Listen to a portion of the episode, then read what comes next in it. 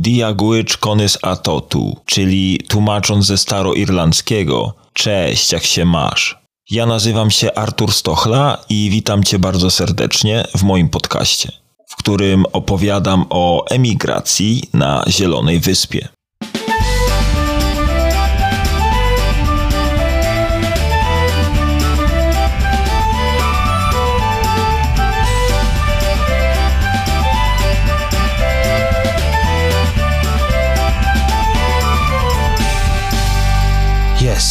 Mamy to. Przetrwaliśmy, dotrwaliśmy. Zbliża się koniec roku 2021. Cytując klasyka, wspaniały to był rok, nie zapomnę go nigdy. Pomyślałem sobie, że nie chcę robić ani żadnego podsumowania swoich osiągnięć, bądź też potknięć, jeśli się takie zdarzały, a na pewno się zdarzały, ani też opowiadać o planach na następny rok. Wiem, wiem, że ktoś mógłby zapytać, Artur, dlaczego nie zrobisz odcinka o Sylwestrze w Irlandii? Odpowiedź jest trywialnie, banalnie prosta. Sylwester w ujęciu takim jak u nas w Polsce, w Irlandii nie istnieje. Owszem, odbywają się popijawy i wyjścia do pubu, w końcu mówimy o Irlandii, ale nie ma w tym takiej szczególnej otoczki i pompy, takiego balu, takiej radości i takiego splendoru, jak to wygląda u nas w Polsce. A, no i prawie byłbym zapomniał o bardzo ważnej i istotnej rzeczy, że o północy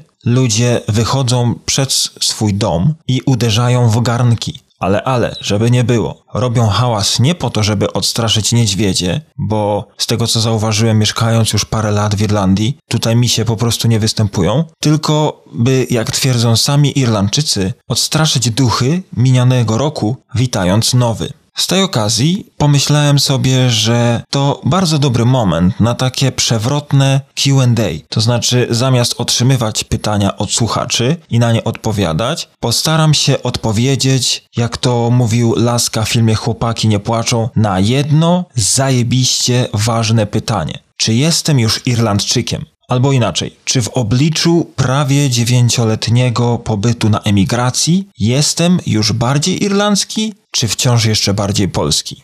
Tak więc, czy jestem już Irlandczykiem?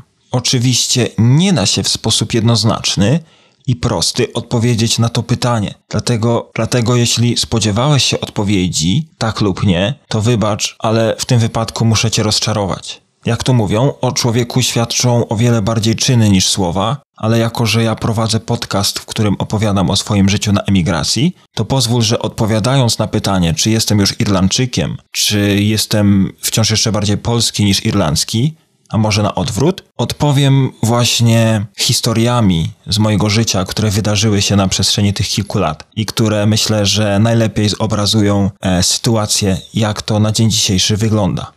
A więc dobrze, na początek myślę, że nie przesadzę, jeśli powiem, że emigracja sporo poprzestawiała mi w głowie.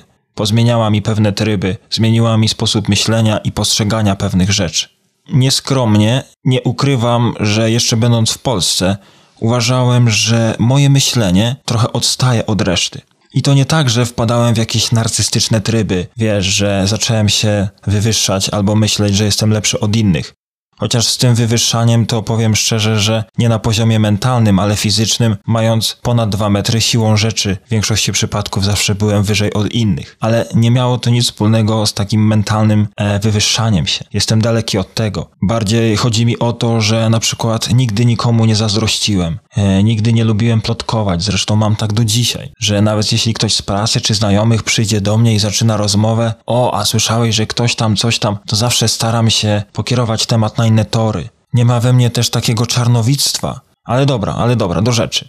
Wspomniałem, że emigracja poprzestawiała mi pod czaszką. I szczerze mówiąc, dosłownie tak się stało. W pewnym momencie dwie rzeczywistości, irlandzka i polska, zaczęły nachodzić jedna na drugą. Myślę, że w pewnym sensie zaczęło przypominać to takie dwie płyty tektoniczne, które po prostu gdzieś tam na przestrzeni dziejów zaczęły na siebie nachodzić. Tylko, że zamiast wulkanu powstała hybryda, czyli polski Irlandczyk albo irlandzki Polak. Tego jeszcze tak dokładnie nie wiem. W Irlandii króluje coś takiego jak small talk. To jest taka nieformalna forma powitania. Widzisz kogoś, znajomego lub nawet obcego na ulicy i tutaj ludzie najczęściej witają się słowami Hi, how are you? What's the story? Albo What's the crack? I jak przypominam sobie e, taką historię związaną z tym ostatnim, to pamiętam, że e, krótko po moim przylocie tutaj, jak e, szedłem na spacer ulicą, to szedł jakiś koleś, którego nigdy w życiu nie widziałem, kiwnął do mnie głową i właśnie zawołał What's the crack? I ja pierwsze co pomyślałem to takie, o co on mnie pyta? O crack, o narkotyki?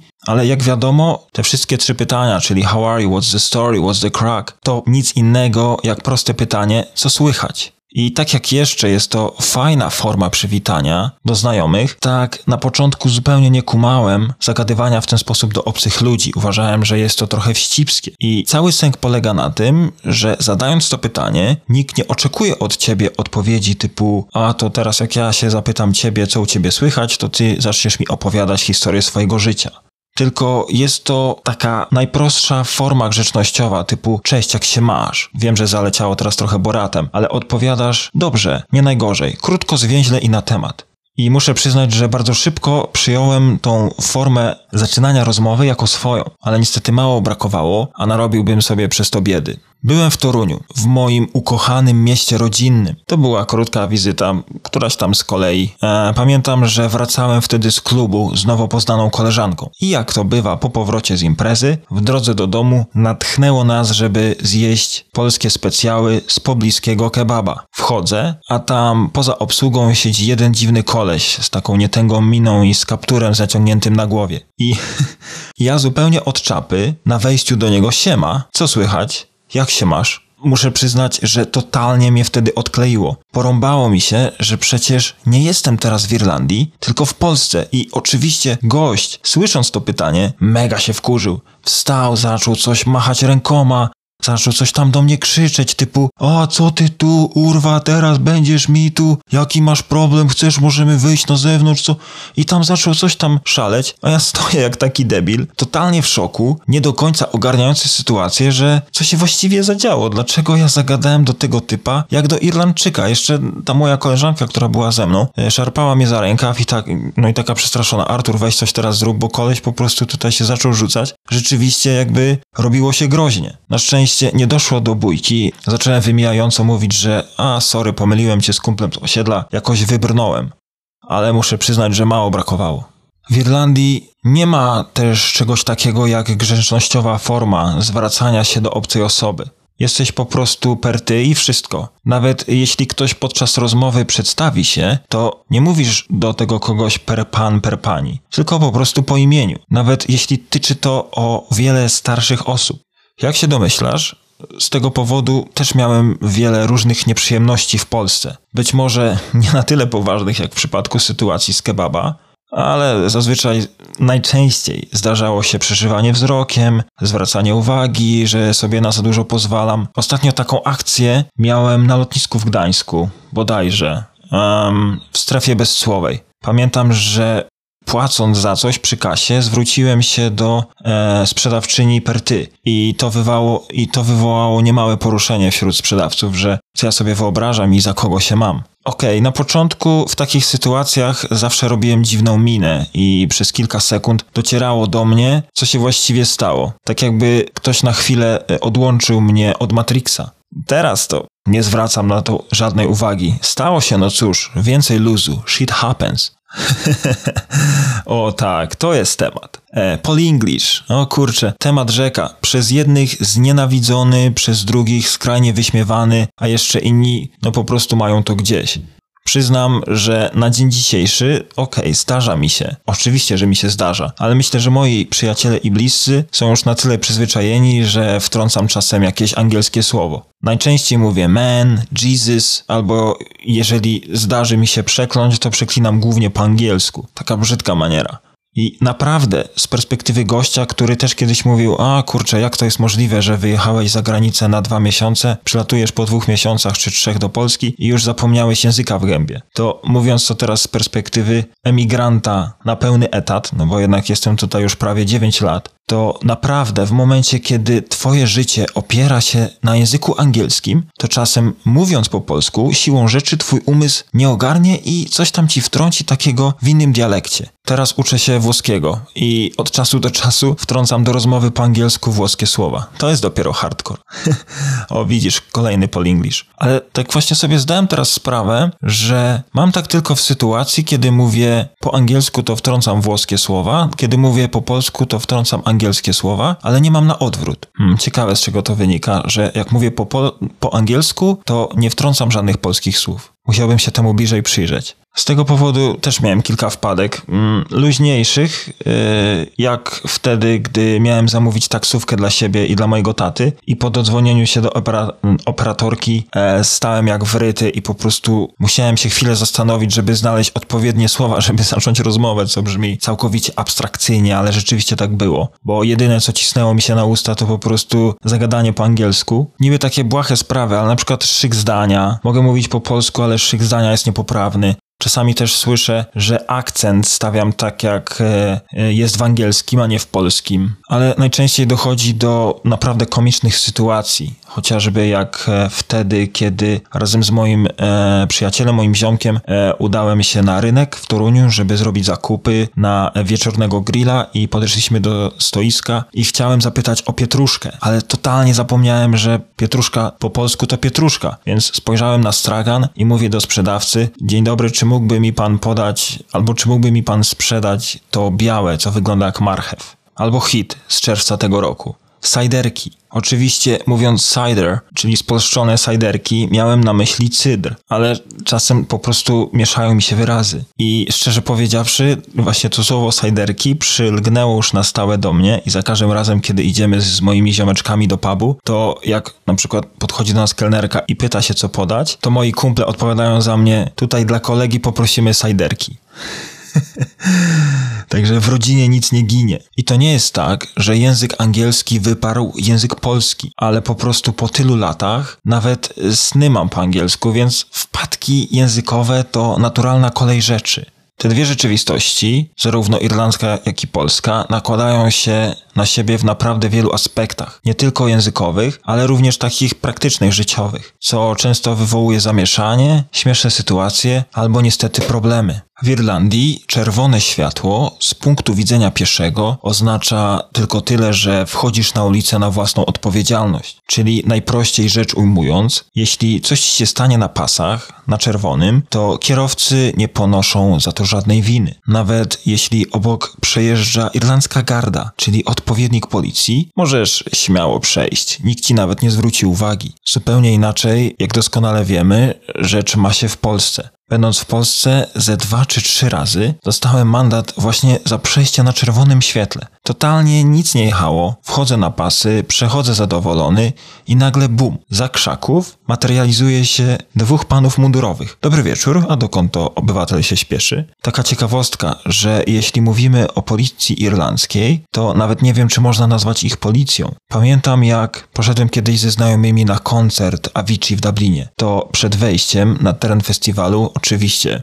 Polaczki, cebulaczki, wzięliśmy piwa i wypiliśmy na osiedlu domków jednorodzinnych, żeby nie płacić za piwo na festiwalu 10 czy 15 euro. I z tego co kojarzę, jakoś od razu podjechała garda. Zapytali, co tu robimy i że miejsce festiwalu jest po drugiej stronie ulicy. Ja byłem trochę taki przerażony, bo e, ten koncert to był taki totalny początek mojej emigracji w Irlandii i pierwsze co sobie pomyślałem wtedy to, o ja pierniczę, to teraz na pewno dostanę mandat jakieś 200 albo 300 euro. Cały tydzień będę zasuwał na to, żeby to spłacić. Tym większe było moje zaskoczenie, kiedy irlandzcy policjanci jedyne co to kazali nam wyrzucić alkohol do śmietnika i tyle. Nie dostaliśmy nawet pisemnego upomnienia. Z tego, co się orientuję i z tego, co słyszałem od ludzi, to Garda, czyli irlandzka policja, wchodzi w agresywne tryby dopiero jeśli osoba zachowuje się agresywnie lub stanowi zagrożenie dla innych ludzi wokół. Każdym innym przypadku to po prostu ludzie w mundurach. A skoro mówimy już o mundurach, to wypadałoby coś powiedzieć o dress code,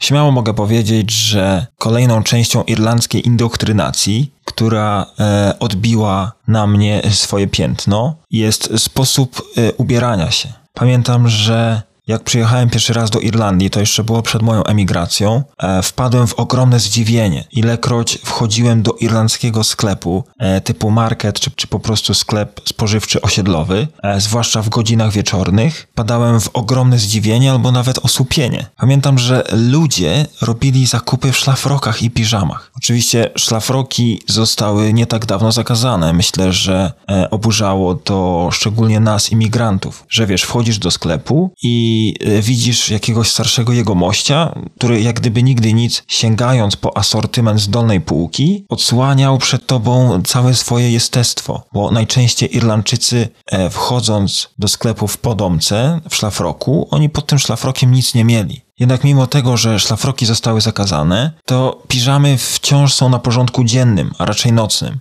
W momencie, kiedy o tym opowiadam, właśnie zdałem sobie sprawę, że nigdy nie byłem w piżamie w sklepie w Irlandii. I myślę, że trzeba będzie to zmienić w niedalekiej przyszłości. Oczywiście, myślę, że warto to tutaj podkreślić, totalnie na nikim nie robi to żadnego wrażenia. Otóż to, jeżeli chodzi o ubieranie się, to podobno po tym można poznać Polaka w Irlandii, że jest dobrze ubrany, schludnie i że ubrania pasują do siebie, że mają jakiś większy zamysł, mają jakiś sens. Irlandczycy owszem, e, mają skłonności do kupowania drogich rzeczy, rzeczy, ale najczęściej każdy chodzi w tym, w czym mu po prostu wygodnie. Bardzo dużo ludzi, bez względu na wiek, E, chodzi w rzeczach sportowych. I to nie jest tak, że wszyscy ci ludzie biegają czy uprawiają jakieś sporty, tylko po prostu uważają, że e, jest to najwygodniejsza część garderoby i dużo Irlandczyków, ale już też nie tylko Irlandczyków, nosi się na sportowo. Nie ma co ukrywać, że e, w Irlandii królują dresy. Ja, pamię ja pamiętam swoje początki z dresami, że miałem dos dosyć długo miałem opory, żeby wyjść w domu to co innego, ale żeby wyjść na ulicę w dresach, to gdzieś tam zawsze miałem takie myśli, wiesz, jak to w Polsce w dresach, być może to się teraz zmieniło na przestrzeni kilku lat, ale ja pamiętam, że dresy zawsze były zarezerwowane e, dla tej części subkultury takiej hip-hopowej, albo wręcz e, nie tyle hip-hopowej, co dla tych jegomości, którzy wyczekiwali w bramach. I jak tylko ktoś do ich bramy się zbliżył, a nie daj Boże w porze wieczornej, to zatroskani pytali, czy masz jakiś problem, czy może w czymś ci pomóc. To właśnie z tym zawsze kojarzyły mi się dresy. Pamiętam, że y, jak jeszcze mieszkałem w Polsce na stałe, jeszcze przed moją emigracją, e, ale już byłem pełnoletni, przyjechał do nas w odwiedziny kuzyn mojego taty, który e, spędził kilka lat na wyspach i on właśnie przyjechał do nas wtedy w odwiedziny e, z wysp i przyjechał w dresie, w takim normalnym sportowym dresie, chyba Adidasa. Zresztą nie ma to żadnego znaczenia, jakiej firmy. I pamiętam, że nagle podczas spaceru ktoś wpadł na pomysł, żebyśmy poszli sobie do pubu na jedno piwo. Oczywiście, jak się domyślasz, e, nie udało nam się to z racji tego, że po prostu nikt nie chciał wpuścić e, naszego kuzyna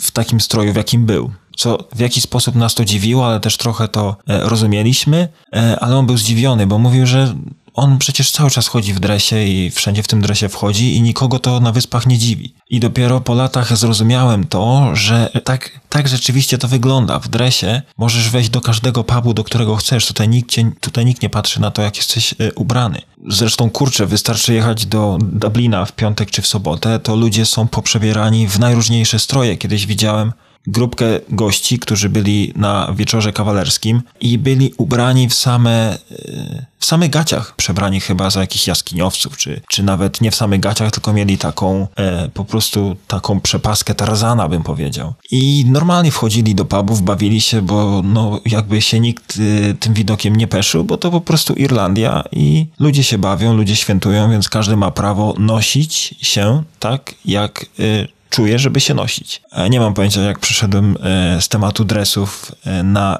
przepaski ala Tarzan, ale, ale pomijmy ten szczegół. Także tutaj totalnie jakby dress code w Irlandii nie obowiązuje i ja uległem w końcu tej modowej indoktrynacji irlandzkiej i też jakby mimo tego, że lubię jeansy i lubię dobrze wyglądać i schludnie wyglądać, to w takie normalne dni, gdzie na przykład nigdzie nie jadę, nie wychodzę do żadnego pubu, czy nie jadę się z nikim spotkać, to po prostu ubieram się w luźne sportowe rzeczy, czyli najczęściej w dresy. Patrzę na zegarek i wiem, że naprawdę sporo już e, podałem tych różnych przykładów e, tego, jak te moje dwie rzeczywistości, polska z irlandzką, e, oddziałują na siebie. I wiem, że już powinienem kończyć, ale przypomniała mi się jeszcze taka jedna historia, która wprawiła mnie w takie ogromne zakłopotanie. Zakończę swoją dzisiejszą opowieść taką absurdalną historią, która wydarzyła się w sklepie.